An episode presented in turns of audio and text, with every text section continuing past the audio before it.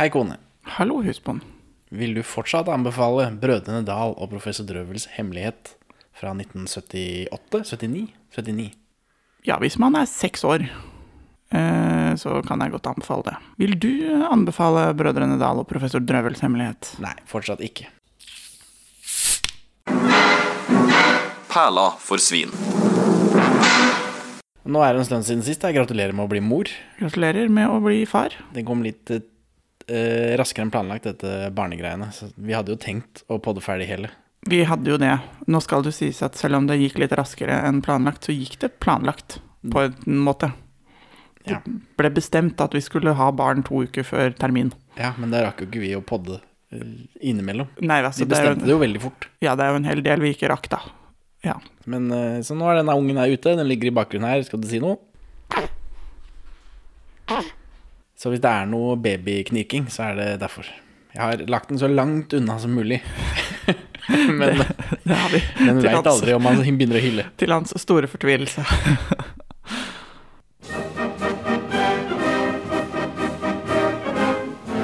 Dette har hendt.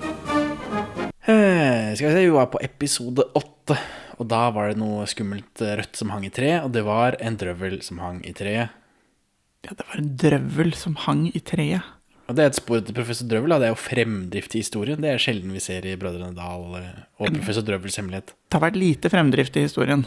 Eh, om noen. Og så spør de, spør de noen folk i beverdrakt om de har sett professor Drøvel, og så peker de retningen. Så nå skjer det noe, da. Nå er vi, liksom, nå er vi halvveis i serien. Nå, er, nå skjer det noe. Og så slutter det å skje ting, da. Ja, for nå har vi jo sett alt sammen, og jeg har, sitter på en sånn følelse av at de har sittet etter endt alt mulig og tenkt at du, vi må putte inn noe sånn framdrift, for dette her ble veldig mye tull og tøys.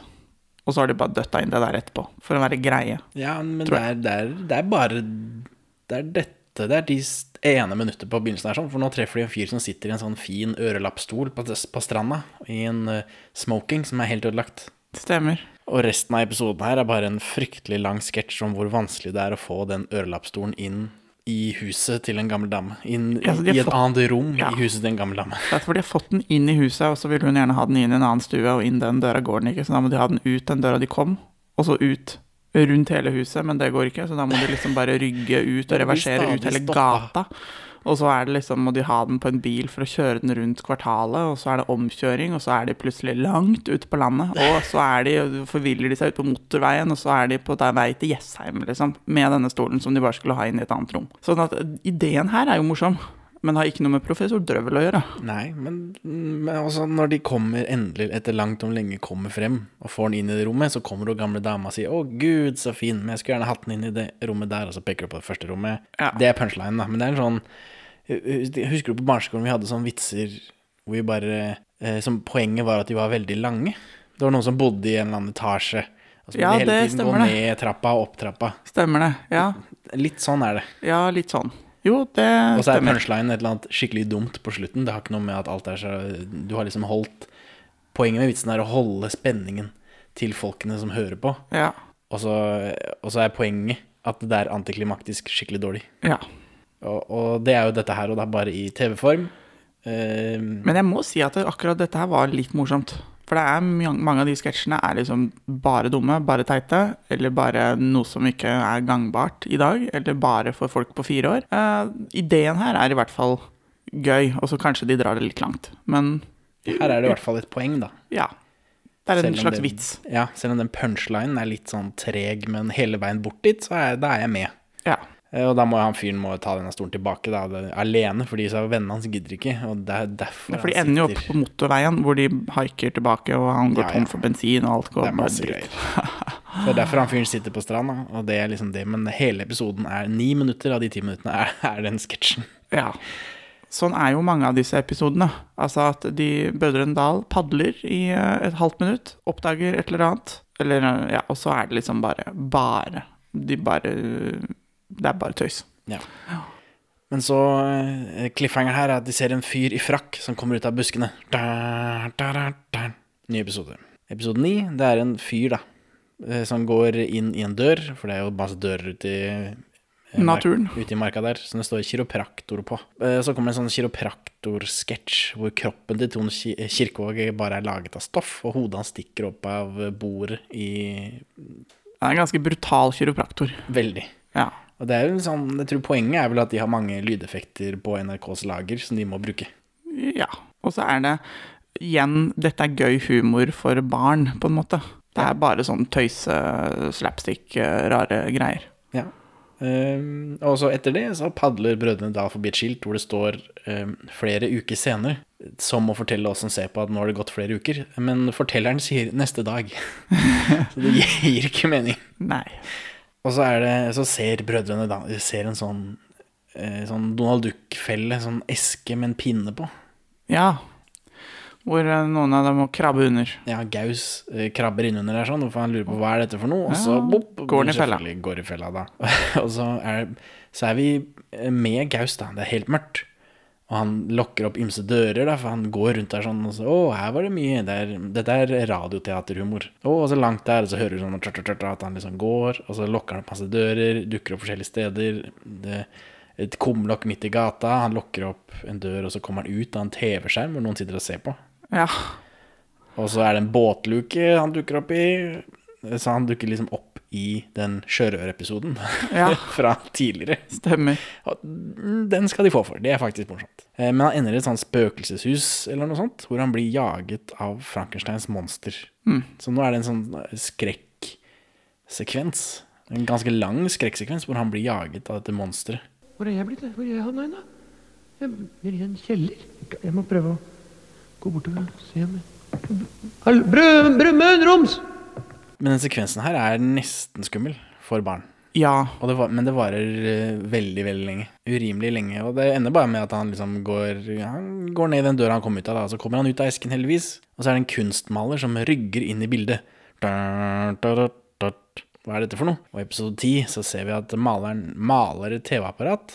Altså på bildet. Han Ja. har et staffeli, og så maler han et TV-apparat. Og så skrur han på en av knappene på TV-apparatet, og så blir den svarte skjermen på TV-apparatet en ekte skjerm. ja. Det er spesialeffekter de har sponsa på seg her. Det er veldig flott. Helt utrolig. Eh, På TV-en så, er så går det en mystisk mann med frakk inn i en fiskebutikk. Og han vil ha flyndre, men selgeren vil selge han torsk. Ja. Altså Hele dette Jo, men den sketsjen her også syns jeg for så vidt var morsom. Jeg tror ikke den er så morsom hvis du er fire år eller sju år. Nei, den er litt lang. Ja, Den er litt akkurat lang. Den, den første biten her sånn er morsom for folk som er fire, hvor, de bare, hvor selgeren kjører en dampervals over torsken, så det blir en flyndre, og alle er fornøyde, liksom. Ja, det er klart, det er gøy. Men resten av sketsjen er, den er litt for lang, men kornet der sånn er noe. Ja. Det koster 20 kroner for en hel flyndre. Jeg vet ikke, Er det dyrt, du som spiser fisk? Kjøper fisk? Eh, den gangen så kan nok det stemme ish. Er det dyrt i dag, da? Hva får du for 20 kroner i dag, liksom? Bugg. Eller noe sånt noe. 20 kroner for en bugg, det høres veldig dyrt ut. Men klart, nå har ikke jeg kjøpt bugg på en stund. Nei, du får eh, Hva får man for 20 kroner? Du får vel kanskje en is? Kanskje. De var ute i stad, da kjøpte jeg én is og en brus, og det kosta 78 kroner. Ja, så det eh, Ja. Nei, det er 20 kroner for en flyndre. Ja, jeg tror Sist gang jeg kjøpte bugg, så kosta det 1 kroner og 50 øre. Ja, altså mat Da syns jeg det var ille, fordi det hadde gått opp 50 øre. Ja. Mat er jo blitt eh, billigere nå. Altså blomkål og isbergsalat og sånn kosta liksom det samme for eh, 30 år siden som det gjorde i dag. Og det er sånn at eh, sånn sett så er jo mat blitt billigere i dag. Men flyndrer, da? Jeg kjøper ikke så mye flyndre, altså. Det er liksom ikke det det går i. Nei, for de vil bare selge deg torsk. Ja, mest derfor, egentlig. Men denne mannen som får den flyndra, han liksom går av gårde, så leverer han flyndra til en fyr. Men de gjør det som om de var spioner. og Denne fyren driver en pølsebod. Ja, han har sånn eh, hull i veggen-pølsebod. Ja, og han leverer liksom den som om det er noe Fra skummelt. Skjult Skjult fra innerrommet, og så liksom Og så inn til han andre fyren. Ja, som om det var en sånn der, en spiondropp. Ja. Og dette er en pølsebod som ikke bare selger pølser, han selger alt mulig annet. Rødvin, solbriller til 1750. Det var jo veldig billig. Ja, altså, ja. Det er rare priser her. For 1750 kan jeg godt tenke meg å betale for et par solbriller eh, på Nille. I, eh, hvis det er sånn tøysesolbriller. Men Dette er jo fra en pølsebod som også selger musikk fra ABBA, kassettspillere, dress, sko, kunst, lamper, golfkøller, støvsugere, trompet, gressklipper, akebrett, båtmotor, konfekt osv. Og bil. Og båt. Og biler og båter, alt mulig rart. Ja. Men, men når han, når han fyren skal kjøpe røyk, så har han ikke det, for han er bare en vanlig pølsebod. Ja. Humor. ja. Dette var gøy for meg også. uh, Men så fortsetter det bare. Og da, her kommer denne bilen, og, og han har ikke råd til den bilen, han fyren som skal kjøpe, så han, han pølsebodfyren gir en lån. ja han kan driver med finansiering også. Ja. Og, og, men det er ikke noe sånn skikkelig punch på dette, for det bare fortsetter med det, og så sklir det ut. Ja.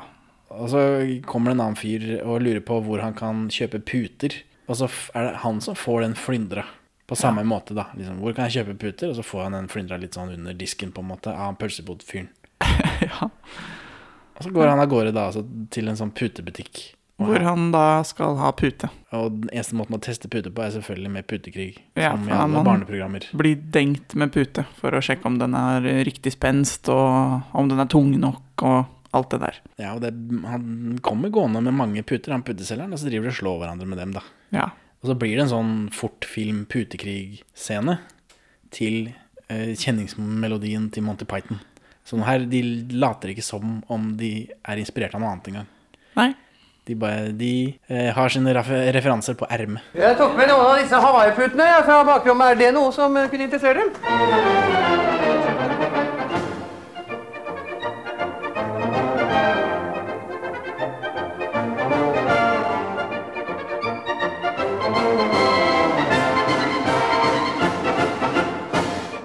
Denne kjenningsmelodien er The Liberty Bell March, forresten.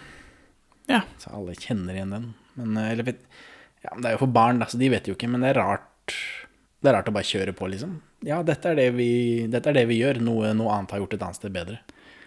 Jo, men det, jeg- det er jo mye sånt eh, på NRK på denne tiden, er det ikke det? Jeg vet ikke. Det ville vært rart om NRK sendte Monty Python i sin helhet på 70-tallet. Ja, det er det jeg mener, da. Altså, disse her vet jo om det fordi de driver med TV, men alle hadde jo ikke sett dette her. Alle hadde ikke sett Monty Python gjøre det. Jeg vet ikke. Den Jeg regner gangen. med at ikke de gjorde det. Det var vel da ikke så kjent, kanskje. De tenkte at dette er gjenkjennelig og gøy for de som vet hva det er, og for de som ikke vet hva det er, så er det bare gøy. Jeg tenker at Monty Python er for rart for NRK. Men så sender de jo dette, da. Brødrene Dal, som bare er er. Monty Python. Ja. Men dette går i et barneprogram, så det kommer kanskje litt under radaren. Kan hende. I stedet for å sette opp det, Monty Python mellom Detektimen og, og Dagsrevyen. Ja. ja. Uh, uansett, vi er i denne putebutikken, ja. Og så får den puteselgeren får flyndre av ham som skal kjøpe pute. Og, og så blir han puteselgeren kjempesint fordi han ba om torsk. ja. Så det konkluderer jo da liksom hele denne Den, Denne episoden, ja. Sketsjen, episoden. Men, men det var jo gøy, fordi det er så lenge siden Det er litt den samme at det er veldig, veldig langt å gå i den vitsen. Ja, det er litt langt. Men så er poenget henspillet på det tidligere eh, morsomt. Og så er Ja. det noe å ta tak i på veien også. Denne, han pølsebodselgeren Selv om ikke han har ordentlig punch, så var det, det var gøy en stund. Ja, jeg syns det var humoristisk med denne pølsebua. Og så går vi ut av det maleriet, da, panner ut av maleriet. Eh, Og så lurer eh, disse brødrene på om man kan få inn Sverige. Jeg vet ikke, Er det kritikk av NRK, dette? For det var, dette er jo når det bare var én kanal i Norge. Men hvis Ja. du bodde nærme nok svenskegrensa, så får du inn Sverige. Nemlig. Og så går av maleren bare. Så en, enda noe som ikke var på, noe poeng i. Og så hører vi noen som roper 'This is a chair'. Da, da, da, da. This is a chair! Dette er en stol. Episode 11. Hvem er det som roper 'This is a chair'? Dette er en stol. Det er Brumund som ligger og vrir seg på bakken mens han snakker engelsk og oversetter det. Ja, for han har uh, fått engelsk syke. Det stemmer. Så det, liksom, det er ikke morsommere enn det. Nei. Nei. Og så får han en sprøyte, og så blir han frisk. Og så viser det seg at han bare hadde drømt dette, som var veldig rart. Ja. Og så kommer en restaurantsketsj. Det, det er mulig det er en annen drøm, dette, da. Hvor eh, Brumund i full Brødrene Dal-uniform er på date. ja. Ja, det er flott. Og så mister hun dama øredobben i suppa, og så får hun ikke tak i den. Hun driver og, prøver å få den med skje, men det går ikke. Så roper hun på kelneren, og kelneren stapper hånda ned i Stapper hele armen nedi, ja, opp til albuen. Ja. Det er verdens dypeste suppeskål. Ja, og så er det slutt da, for dette var også bare en drøm. Det er, mm, det, dette Monty Python-greiene, de følte vel De har vel sagt at uh, vi, vi skriver ting som er gøy. For det vanlige er jo liksom setup, altså punchline. Men vi skriver ting som er gøy. Hvis vi har et gøy setup, så tar vi det. Og så bare, hvis ikke vi finner opp punchline på det, så bare går vi til noe annet. Ja. Det er det de gjør, og det gjør de her også. Og jeg vil våge å påstå at det er et fåtall av mennesker som har sett hele Monty Python. Fordi mesteparten er veldig kjedelig. Og, Ja, ikke, så, og ikke så gøy. Det stemmer nok. Men det som er gøy, husker vi, da. Det blir jo liksom tatt ut. Men, en, men hele episoder og sesonger av Monty Python er ikke så morsomt. Nei, nei, der er det jo mye fjas som bare renner ut i ingenting. Ja, Det er ikke alt som kan være the fish slapping dance. Nei. Lever i fløtesaus? Mm, nei. Indrefilet med bearnés, da. Nei. Men kjøttkake med tyttebærsyltetøy, da? Beklager. Ja, men i all verden, har dere ingenting her, da? Hva slags restaurant er dette her, egentlig? Nei, det er faktisk ikke noen restaurant i det hele tatt. Det er en ganske alminnelig møbelforretning. Så er det en annen drømmedate. Brumund, da, som prøver å bestille, men de har ingenting. For det viser seg da at de har, han og daten har satt seg ned uh, i en møbelforretning. Mm, ja. Ja. ja. Det er greit. Det er greit. Det er en sånn, sånn vits for et Donald-blad, men, eh, men ja, det er greit. Ja, Men gjort på liksom NRK-budsjett. Ja. Så det er liksom ja, ja, det er greit. Og så blir skjermen skurrete, og så har prosjektoren hengt seg opp. Og så får de fiksa det. Altså, de, de kødder med bildet, da. Ja. Så det, det er kanskje fresht for NRK. De gjorde jo det tidligere også, når de er på månen. ja, når det var med dette romskipet og dette her. Ja. Ja. De kommer fra Oslo i kano, ja. og så er det bare slow motion. Så der De tuller med bildet. da. Jeg vet ikke hvor vanlig det var på NRK på 70-tallet. Om dette var nyskapende for NRK å være. Det er ikke godt å si. Nei. Og så får vi en flyopplæringssketsj hvor to flyelever sniker seg inn på et fly. Og så kjører der begynner det flyet å taxe av gårde, selvfølgelig. Men det er jo bare to sånn KLM-medlemmer i en eh, cockpit med green screen. Ja, ja. så det, men det flyet det taxer av gårde, det, det kjører ut på veien, opp på E6-en, for de har jo filma i en bil. Ja. Og det, det er gøy. Det er bluescreen-humor, da, men det er gøy, men Det er litt langt, Ja. og det er litt sånn Det er litt langt, og så er det litt sånn eh, Når du ser Når du vet at det er et fly med Da snakker vi liksom vingespenn på noen og 20 meter, eller mer. Jo, men det er en del av humoren. Det er, men det Ja, er en del er av humoren, liksom- men det varer så veldig lenge. Ja, det er, så, det er rart. Jeg syns det er litt sånn snodig. Hallo, hallo. Se på alt dette her. Hallo, hallo. Hva er det der for noe? Hei, hva var det du gjorde nå? Jeg gjorde det, jeg bare tok på Ja, hva var det du tok på da? Jeg vet ikke, prøver. Jeg prøver å få den. tilbake. Hei! Du vil røre oss! Vi rører oss! Vi kjører. Flyet dette kjører av gårde, ja. Og så, men så kommer de seg tilbake på parkeringsplassen, og så går de ut, og så til slutt så får de en poengsum. Ja. Sånn, sånn som de gjør når man hopper uh, Ja. skiflyging og sånt. Og dette er tror jeg, tredje gang eller noe sånt. og Den poengsumvitsen blir brukt i Brødrene Dal. Ja. Yes. Så det er ikke noe idétørke. Det skal jeg ikke stå på. Og så padler Brødrene Dal av gårde, og så blir bildet sånn slørete. Ny episode. Og så viser det seg at det var slørete fordi det, vi ser gjennom et speil. Vi filmer Brødrene Dal via et speil. Så er det en klovn som speiler seg i dette speilet, spilt av Trond Kirkevåg. Og klovnen driver og kødder med luene til Roms og Gaus, siden Brumund altså, Brumund sover vel, da, fordi han, han Ja. Trond Kirkevåg er opptatt med å spille klovn. Og så er det et svært bord med bløtkaker, så jeg begynner liksom å, å ane hva det er som skal skje. og klovnen oppfordrer de eh, brødrene, de to andre, til å kaste kake på han, men han driver og dukker, da, så de treffer hverandre. Ja. Humor. Bløtkakekrig i, i sånn fast motion. Og til slutt så får de tatt klovnen med en kake, og han bruker kremen til å barbere seg. Så det var poenget, liksom, punchen på vitsen. Hele den lange bløtkakekastet-greia. Men morsommere enn det, når han liksom har barbert seg, så blir han en helt normal fyr. Han barberer seg Han barberer seg, og så tar han seg, tar han av seg den der ja. og nesa Sånn, og så når han liksom er ferdig med morgenstøvet sitt, så er han en helt vanlig fyr. Ja. Som går inn en dør, da. I- Ute i skauen der. Ja. Og den døra er en sånn eh, Han går inn, kommer inn i et sånt trygdemøte hvor det ikke er lov til å si ja eller nei, for da får de ikke trygd. Nei. Det var morsomt. Og, men er dette politisk snert? Dette, må, dette er jo Nav-humor. Ja. Altså, dette her er jo evigvarende Nav-humor. Det Ja, ja, er du gæren. Det må det jo være. Det er jo fremdeles sånn. Det er jo, det er jo hvis, du ber om, hvis du ber Nav om noen ting nå, så får du ikke ja eller nei. Du får 100 000 skjemaer du kan eh, surre deg borti, og så får du et avslag om 40 år uten begrunnelse. Ja, ja, men her er det sånn Han eh, fyren spør ja, har du barn? Og så kan ikke han si ja, så han sier det har jeg. og så er det sånn hele tida, helt til han uh, driter seg ut av svaret ja. Det er bare ja, trygd avslått. ja.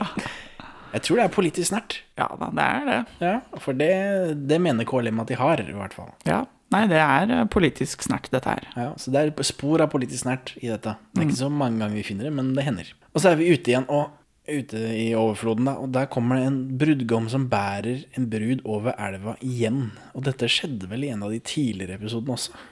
Uten at, for da går Jeg tror Ja. jeg det er første episode, jeg. Går over elva, og så er det ikke noe mer.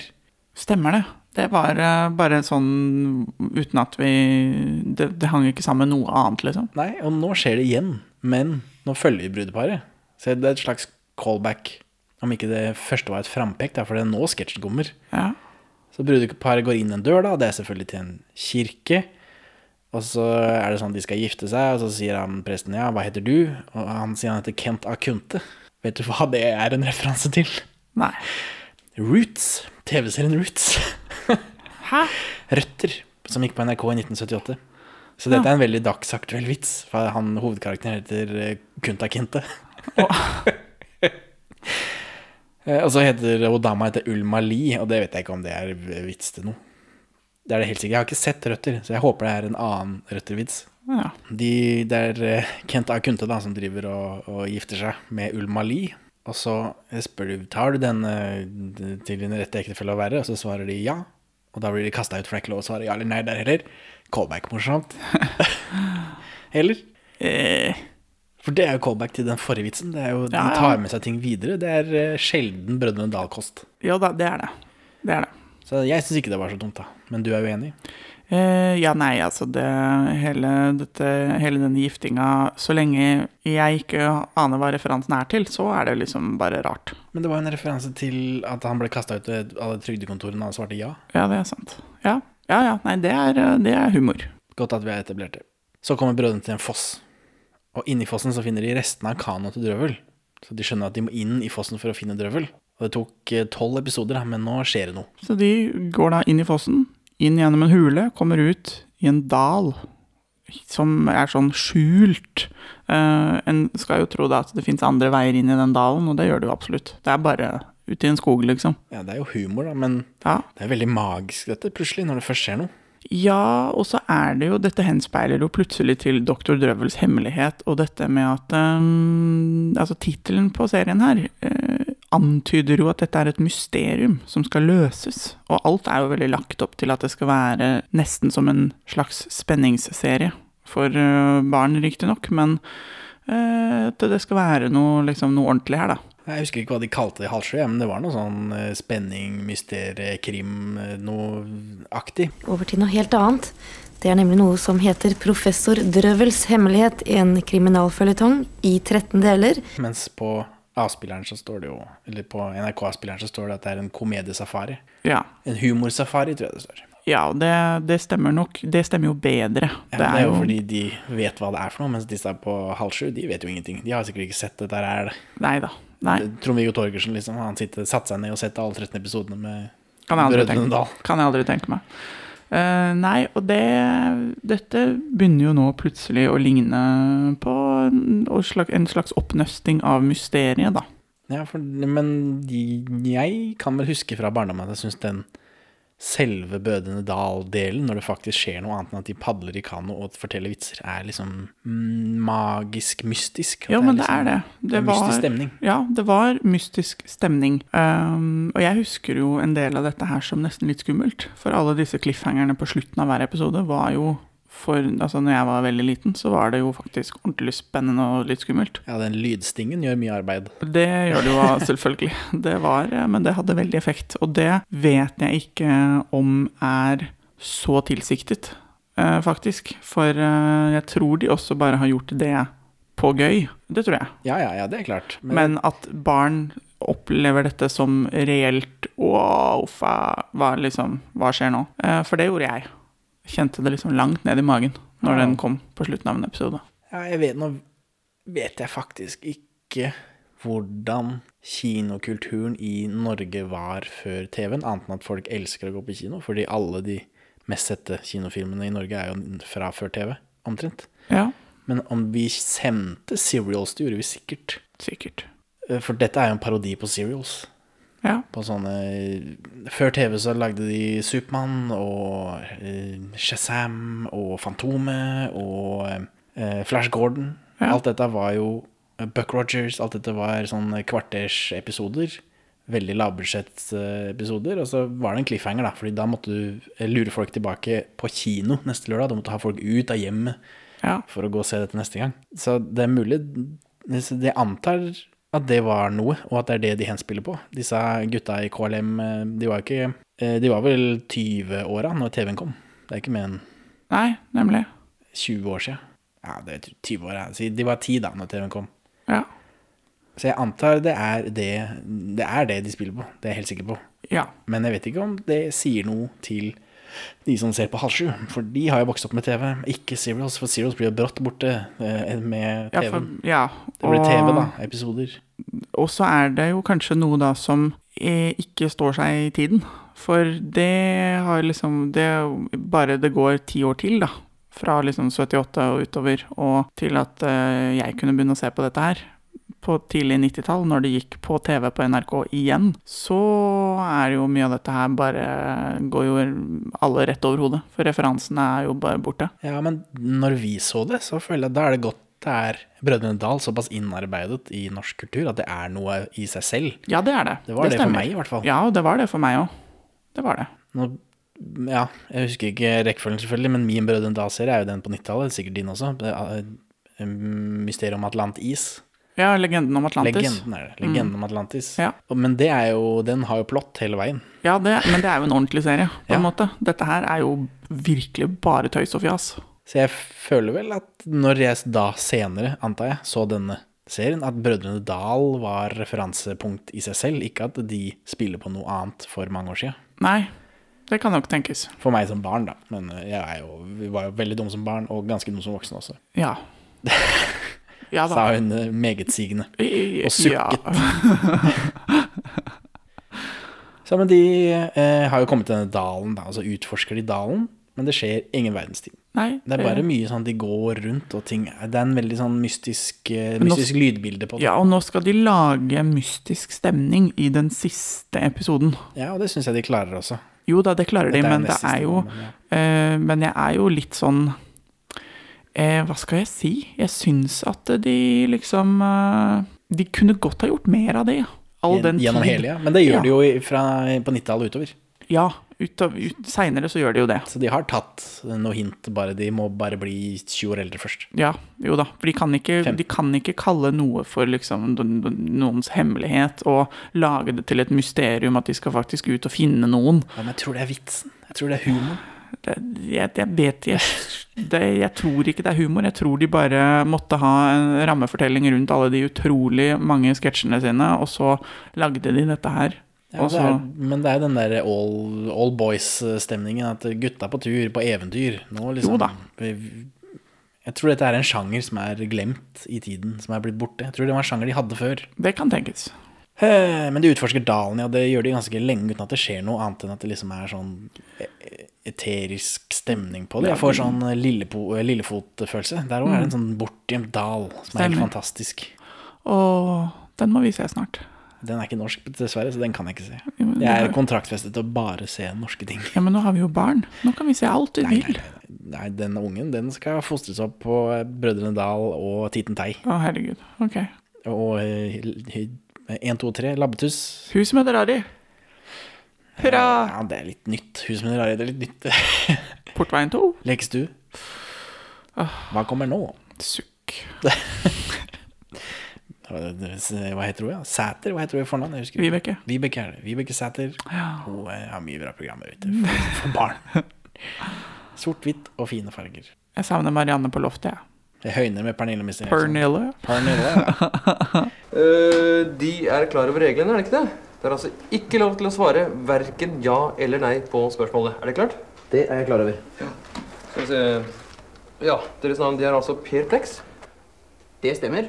Og de er gift? Jeg er gift. De er gift og har tre barn, de. Tre barn har jeg. Og av yrke er de klovn? Jeg har faktisk vært klovn i 15 år. Men det siste året har de altså vært arbeidsløs. Også riktig. Og nå ønsker de altså 2000 kroner i arbeidsløses trygd utbetalt denne måneden? Ja! De sa ja, de. Beklager, dessverre. Da kan det ikke bli utbetaling av trygd denne gangen heller.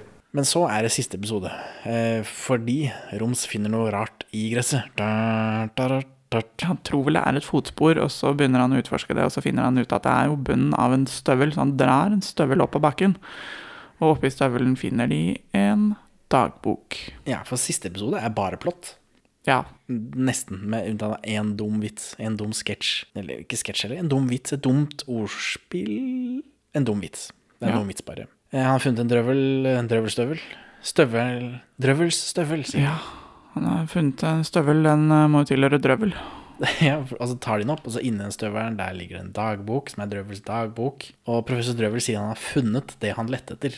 Men han er for svak til å ta med seg funnet eh, tilbake til sivilisasjonen. da, Så han håper at de som finner denne dagboka, eh, vil ta med seg funnet, eh, så vitenskapen får studert det. Ja, og så har han da klart å skrive sine siste ord, tydeligvis. Ja. I mangel på selskap, da. Dette er jo enda en Monty Python-vits. Dette er jo eh, Monty Python og Hellig Gral-vits, hvor de skriver liksom Å, nå dør jeg. øh». Ja. Ikke sant. Det er Jeg ser hva dere gjør. Ja. KLM. Ja. Eh, Men han sier ikke hva det er. Husk, eh, nå husker jeg ikke om du hadde sett dette eller ikke tidligere. Det har du jo selvfølgelig. Men jeg husker, ikke, husker du hva professor Drøvels hemmelighet var? Husker du slutten? Eh, Jeg husker eh, Lurte du på hva er det professor Drøvel har funnet? Ja, jeg lurte jo på det. Ja, For du husker ikke hva det var? liksom. Du husker ikke det svære spoiler? Svære egg på slutten? Jeg husker ikke at de fant det egget, men jeg husker den eh, klukkingen. Ja. Det husker jeg, det husker jeg som helt sjukt skummelt. Og jeg husker det som om eh, han var blitt rammet av en fæl og uhelbredelig sykdom, og at alle bare lo av ham. Det husker jeg som, det husker jeg som, der, som sånn mareritt. Det- Altså, det ga meg mareritt sånn dritlenge.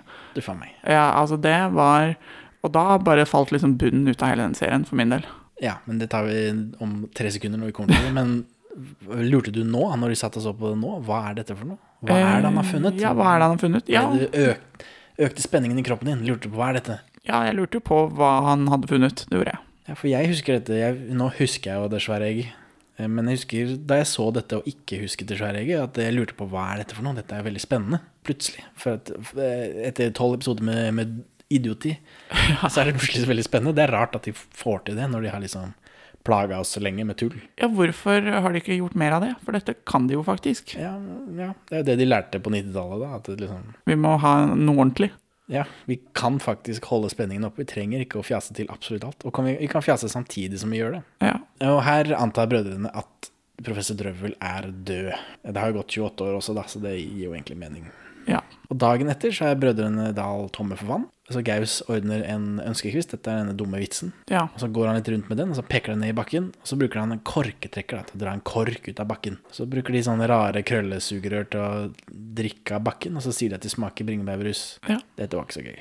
Nei, det var litt rart. Dette, dette var padding. For å, for å få ti minutter i den siste episoden også. Ja. Her kommer mer padding. Det er mye gåing i denne episoden. Og overraskende for meg, da, for de går jo rundt og så leter de, og så skjer det ingenting. Men jeg syns det var mye mer interessant med kano. Ja. For de har padla en del kano uten at jeg har tenkt at dette var kjedelig. Men når de går rundt sånn, det er kjedelig. ja. Jeg savner kanoen. Elvegris. Ja. Jeg kom til å tenke på den klukkinga til professor Drøvel. Den refererer de til i Brødrene Dal og Karl 12.s gamasjer. Mysteriet om Karl 12.s gamasjer. Den har ikke jeg sett. Nei, vi kommer nok til det om noen år. Det gleder jeg meg til. For der dukker professor Drøvel opp igjen, og han Ja. fortsatt bare klukker. Det er sant. Men han, jo, akkurat det har jeg sett, fordi jeg syns fortsatt at han var skummel når han klokka. Uff a meg. Men da har han jo talkshow. Han har sånn først og sist talkshow, hvor han bare sitter og klukker. Så det er politisk snert igjen, da. Ja. At liksom, ja, ja, her sitter vi og prater, men vi sier ikke noe.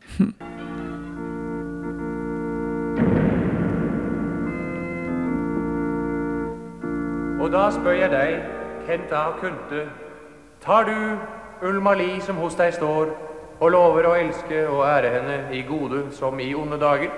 Det gjør jeg. Og da spør jeg deg, Ulma Li, tar du Kent A. Kunte som hos deg står, og lover å elske og ære ham i gode som i onde dager? Ja. Beklager, feil. Dere kjenner jo reglene. Det er verken lov til å svare ja eller nei på noen av spørsmålene. Da er det nok ute. Kan vi få inn et nytt brudepar? Eh, De går, ja, og så plutselig så kommer det en eh, 2001 Space Odyssey-referanse. Har du sett 2001 Space Odyssey? Kan jeg aldri tenke meg. Når du kjenner den musikken, da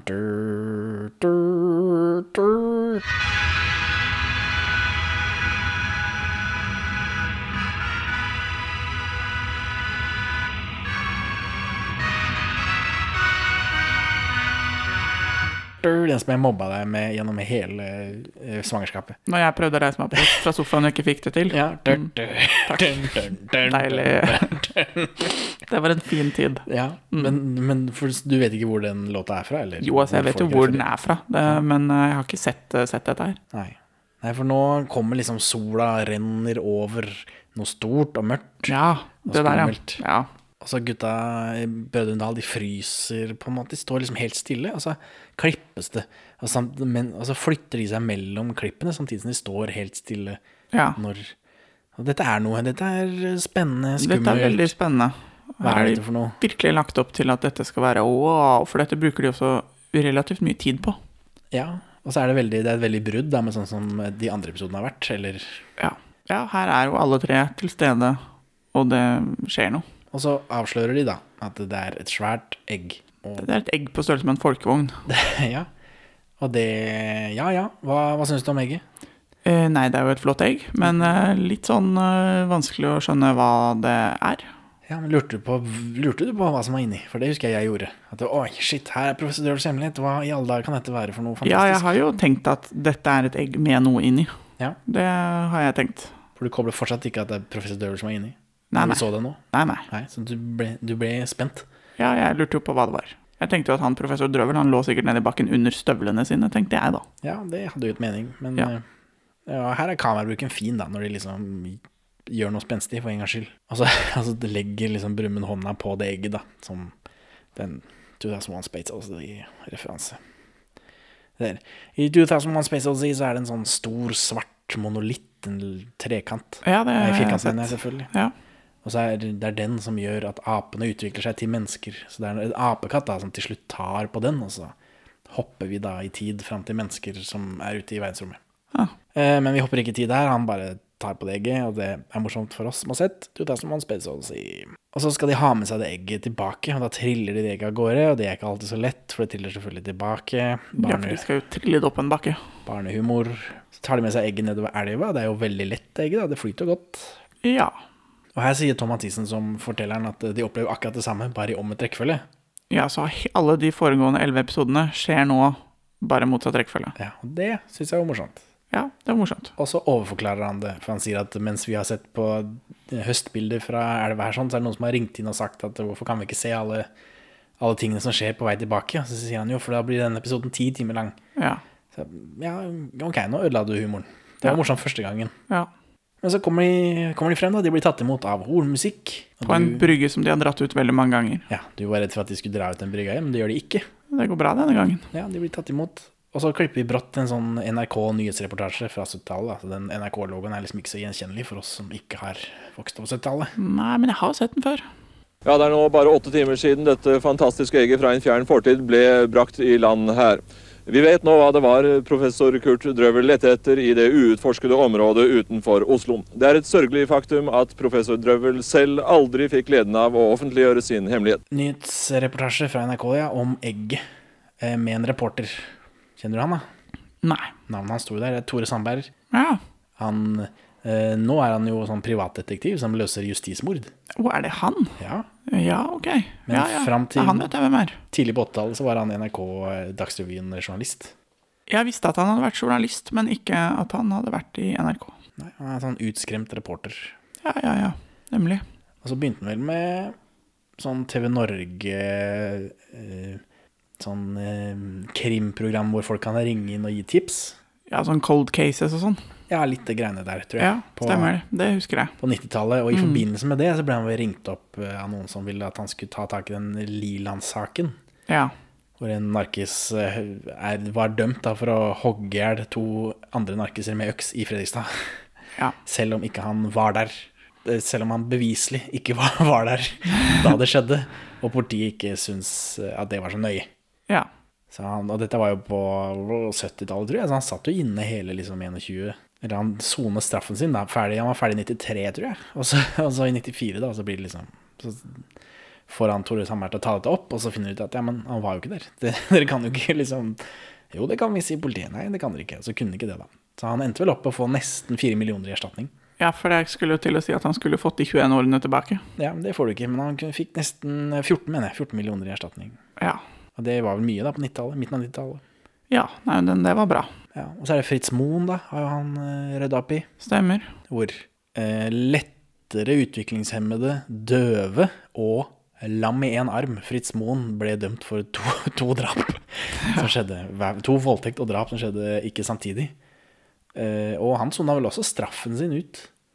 Før han liksom nå da er frikjent. Da ble, ble frikjent for den første før sin død, og så den andre etter sin død, tror jeg. Hvis ikke jeg husker helt feil. Så selv om han heller ikke var der når det skjedde, da, for han var jo liksom Og nå driver Tore Sandberg og roter i Orderud-saken, og der Ja, Hva tror du om det? uff, Orderud-saken? Ja. Ja, nei, de uh... Blir de frikjent, liksom? Frikjent? Nei, gud hjelpe meg. Det håper jeg ikke. Kan jeg ikke tenke meg. Jeg tror det er mer enn nok der til å så nok tvil om Ah, at ikke de har gjort det. Men uh, Jo alle, alle i podkasten er enige om at eh, Veronica Orderud eh, Hun snudde disse svigerforeldrene sine over. Skjøt dem i brystet, og så snudde dem rundt, og så skjøt dem i hodet etterpå. For å være helt sikker på at eh, det var over. Ja, det tror jeg. Det tror jeg. Ja, Så det er Tore Sandberg. Da. Her er han eh, før alt dette. Og her sier han at ekspedisjonen har tatt fem måneder. Og så kommer det en karakter som heter Bjørn Vagle. Og dette er en sånn parykk av løstennekarakter som ikke er spilt av noen i KLM. Og ingen jeg kjente igjen. Nei, det var rart. Og så er det ikke Den rulleteksten her er de Det er bare KLM i rulleteksten. Det er bare de tre. Ja. Uansett, det, uansett hvor mange som er med i episoden. Så jeg vet ikke hvem det er. Nei. Men det var rart at det var en sånn En ordentlig karakter som i Som er- alle andre ja. omstendigheter ville vært spilt av en eller annen i KLM. Ja, for det, jeg prøvde å liksom se hvilken av dem det var, og så var det ingen av dem. Nei, men det er jo fordi de snakker med KLM, panner over til han, da. Ja. Så de får liksom Hvis Ja, mm, de kunne enten så kunne klippet, eller så kunne Trond Kirkevåg vært veldig kjapp med parykken. Ja. Han viser frem noen veldig sånn barneaktige tegninger av dinosaurer, da, for han er sånn krypdyrekspert. Hva er det som er inni egget? spør Ja. Tore Sandberg. Hva syns du om tegningene? Du er fan? Uh, ja, ja, de var kjempemorsomme. Ja. De var veldig søte og fine. Og så begynner egget å klekke, og alle syns dette er eh, skummelt. Ja. Hva er det som er inni egget? Ja. Hva tenkte du? Ble du redd? Uh, nei, jeg tenkte at nå får vi endelig svar på mysteriet. For pokker, nå endelig skjer det noe. Og mysteriet er? Eh, at inni der er jo professor Drøvel. Ja, han har ikke eldes en dag. Nei. Hva syns du om den eh, avsløringen, da? At det var han inne der? Eh, dette er veldig rart, for han eh, reporteren rekker jo å stille en hel masse gode spørsmål. Av typen eh, hvordan kan det ha seg at du ikke er blitt eh, en dag eldre? Hvordan kom du inn i egget? Eh, hvor lenge har du vært der? Altså, det, det er Han liksom stiller alle spørsmålene vi lurer på, Ja. som det hadde vært fint å få svar på. Ja, det hadde det faktisk. Men det får han ikke, fordi det er bare klukking? Nei, for han snakker jo da bare kylling. Ja. Han bare klukker. Ja. Og jeg husker det som som en sånn, som slags, som en sånn marerittaktig fæl greie. At denne mannen var blitt uh, fanget i klok evig klukking. ja, for professor Drøvel vet ikke at han bare kan klokke nå. Nei, han bare prater, og så ser vi da brødrene Dal, de begynner å fnise veldig, og liksom le av han. Ja, eller fordi han Ja, nå skal jeg forklare. Ser vi på ansiktet og holdningen hans. Ja, ja. Nå skal jeg forklare, Og så begynner han klokka, og så blir han jo forskrekket fordi alle der hva er dette for noe? Ja, Hva har skjedd? ja, Og så panner vi over da til Brødrene Dal, som fniser inn i kamera, og så er serien slutt. ja. Aldri mer Brødrene Dal Det, i en rettferdig verden. eh, nei, dette er helt utrolig merkelig, og jeg syns de undervurderer sitt publikum noe forferdelig. Jeg husker som barn at jeg følte meg snytt. Ja, det, jeg også. Jeg husker når jeg så dette sist, eh, hvor ikke jeg visste hva det var. At å ja, det er, er det dette? Er det dette? Ja. Nå har de jo bygd spenning eh, en episode, og en og en halv episode. Bra. Og så er det veldig antiklimaktisk at det bare er liksom At de bare tøyser det bort. Ja. Når de helt Nå åpenbart. Ja, og at de, de kan jo bygge spenning. De kan lage ordentlig stemning. De kan på en måte liksom bygge en episode som er noe. Og så bare lar de være. Ja, men Er det dette som gjør at du ombestemmer deg? Fordi jeg tror mener å huske at du anbefalte ja, da, jeg Brødrene Dal sist gang, Ja, jeg men nå jo har ombestemt deg. Ja, altså, til å begynne med så syns jeg jo at eh, Sånn i utgangspunktet så syns jeg at Brødrene Dal er en del av norsk eh, kulturhistorie. Dette bør vi se. Eh, dette bør vi liksom vite om. Men akkurat den første sesongen her, eh, så har jeg en veldig sterk følelse av at eh, Brødrene Dal egentlig ikke gjør Brødrene Dal så veldig godt. Eh, de, de fomler så innmari. De liksom tuller det til.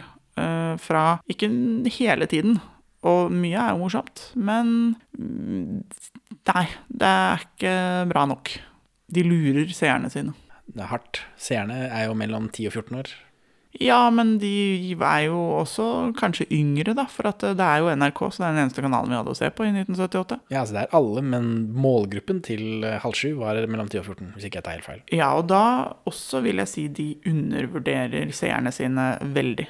Ja, ja, men det er jo liksom på slutten, da. Hvorfor vil du nå ikke anbefale denne eh, Brødrene Dal og Professor Drøvels hemmelighet fra 1979? Fordi vi ikke får vite hva professor Drøvels hemmelighet er, og de lar bare hele, den, hele det plottet som er liksom spenningen rundt eh, det at de er på leting etter mysteriet, da, og skal liksom finne hemmeligheten, lar de bare renne ut i sanden. Det er enormt utilfredsstillende. Derfor bør ingen se dette. Oi, såpass nå. Nå var det jo veldig, fordi på begynnelsen av denne episoden, for omtrent tre kvarter siden, Ja, så men- kunne barn se på det. Jo, men, jo, men, se på det heller. jo, men barn, altså barn kan godt uh, se på dette, og barn som, uh, med, uten kritisk uh, sans kan godt se på dette.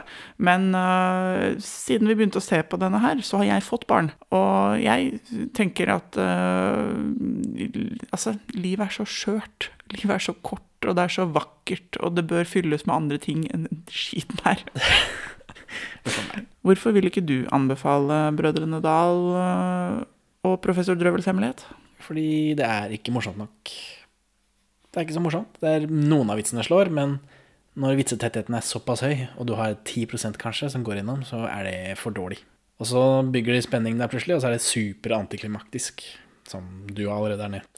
Ja. Så det er ikke, ikke bra nok. Hvis jeg husker rett, så er neste Brødrene Dal og Spektalsteinene mye det samme sketsjetulleriet, men uten denne 'vi skal finne noe' eh, plotline. Jeg tror de blir borte i en sånn tidsmaskin, så må de komme seg tilbake. De skal samle noen steiner og noe dritt. Ja. Tror jeg. Jeg tror det er mye av det samme tullballet. Men så, når vi kommer til liksom Atlantis, så håper jeg den er bedre. Har det- Atlantis er bedre. Det, vi, vi har jo det inni oss, da, fordi vi er vokst opp med det, men jeg vet ikke om det stemmer. jo, men jeg husker jo Atlantis som at de var på tur, og at det beveget seg framover. Ja, Der er det plott, i hvert fall. Der ja. er det plott, i hvert fall. Det er det eneste jeg kan love. Men om det er bedre, det Jeg har sett Jeg og Benjamin har sett så mye i forbindelse med podkasten her som vi trodde var bra. Ja, altså, det er ikke alt som Basert er på barneminner og nostalgi. Jo da, det er ikke alt som nødvendigvis Det er ikke nødvendigvis veldig bra. Jeg sier ikke at alle vitsene er bra og sånt. Camilla Tyven, husker vi så Camilla Tyven, åssen det gikk? Ja, herregud. det var veldig koselig, da. Jo, så Gråt masse. vi får se, da. Ha det bra, Kajsa. Ha det bra, Henning. Takk for at du hører på Perler for svin. Du finner oss først og fremst på perleforsvin.no, men også på Twitter under perler-for-svin, Facebook som perleforsvinpod, eller du kan maile oss på perleforsvinpod at gmail.com. Gi oss gjerne en eh, rating i din lokale podcast-avspiller, og, og legg igjen en beskrivelse, så folk skjønner hva det er for noe tull vi egentlig driver med. Her er ukas Pål Bang-Hansen-sitat ute av kontekst. Ja da, dette er et forsøk på å lage en intelligent film, selv om det blir mye tårer etter hvert. Brå, brå, brille, så skal ringe. Keiseren står på høyeste slott. Så høy som en and, så sort som en brann. Kari, kari, klippsnavn, døden skal den lide. Den som kommer alle skal i den sorte gryte.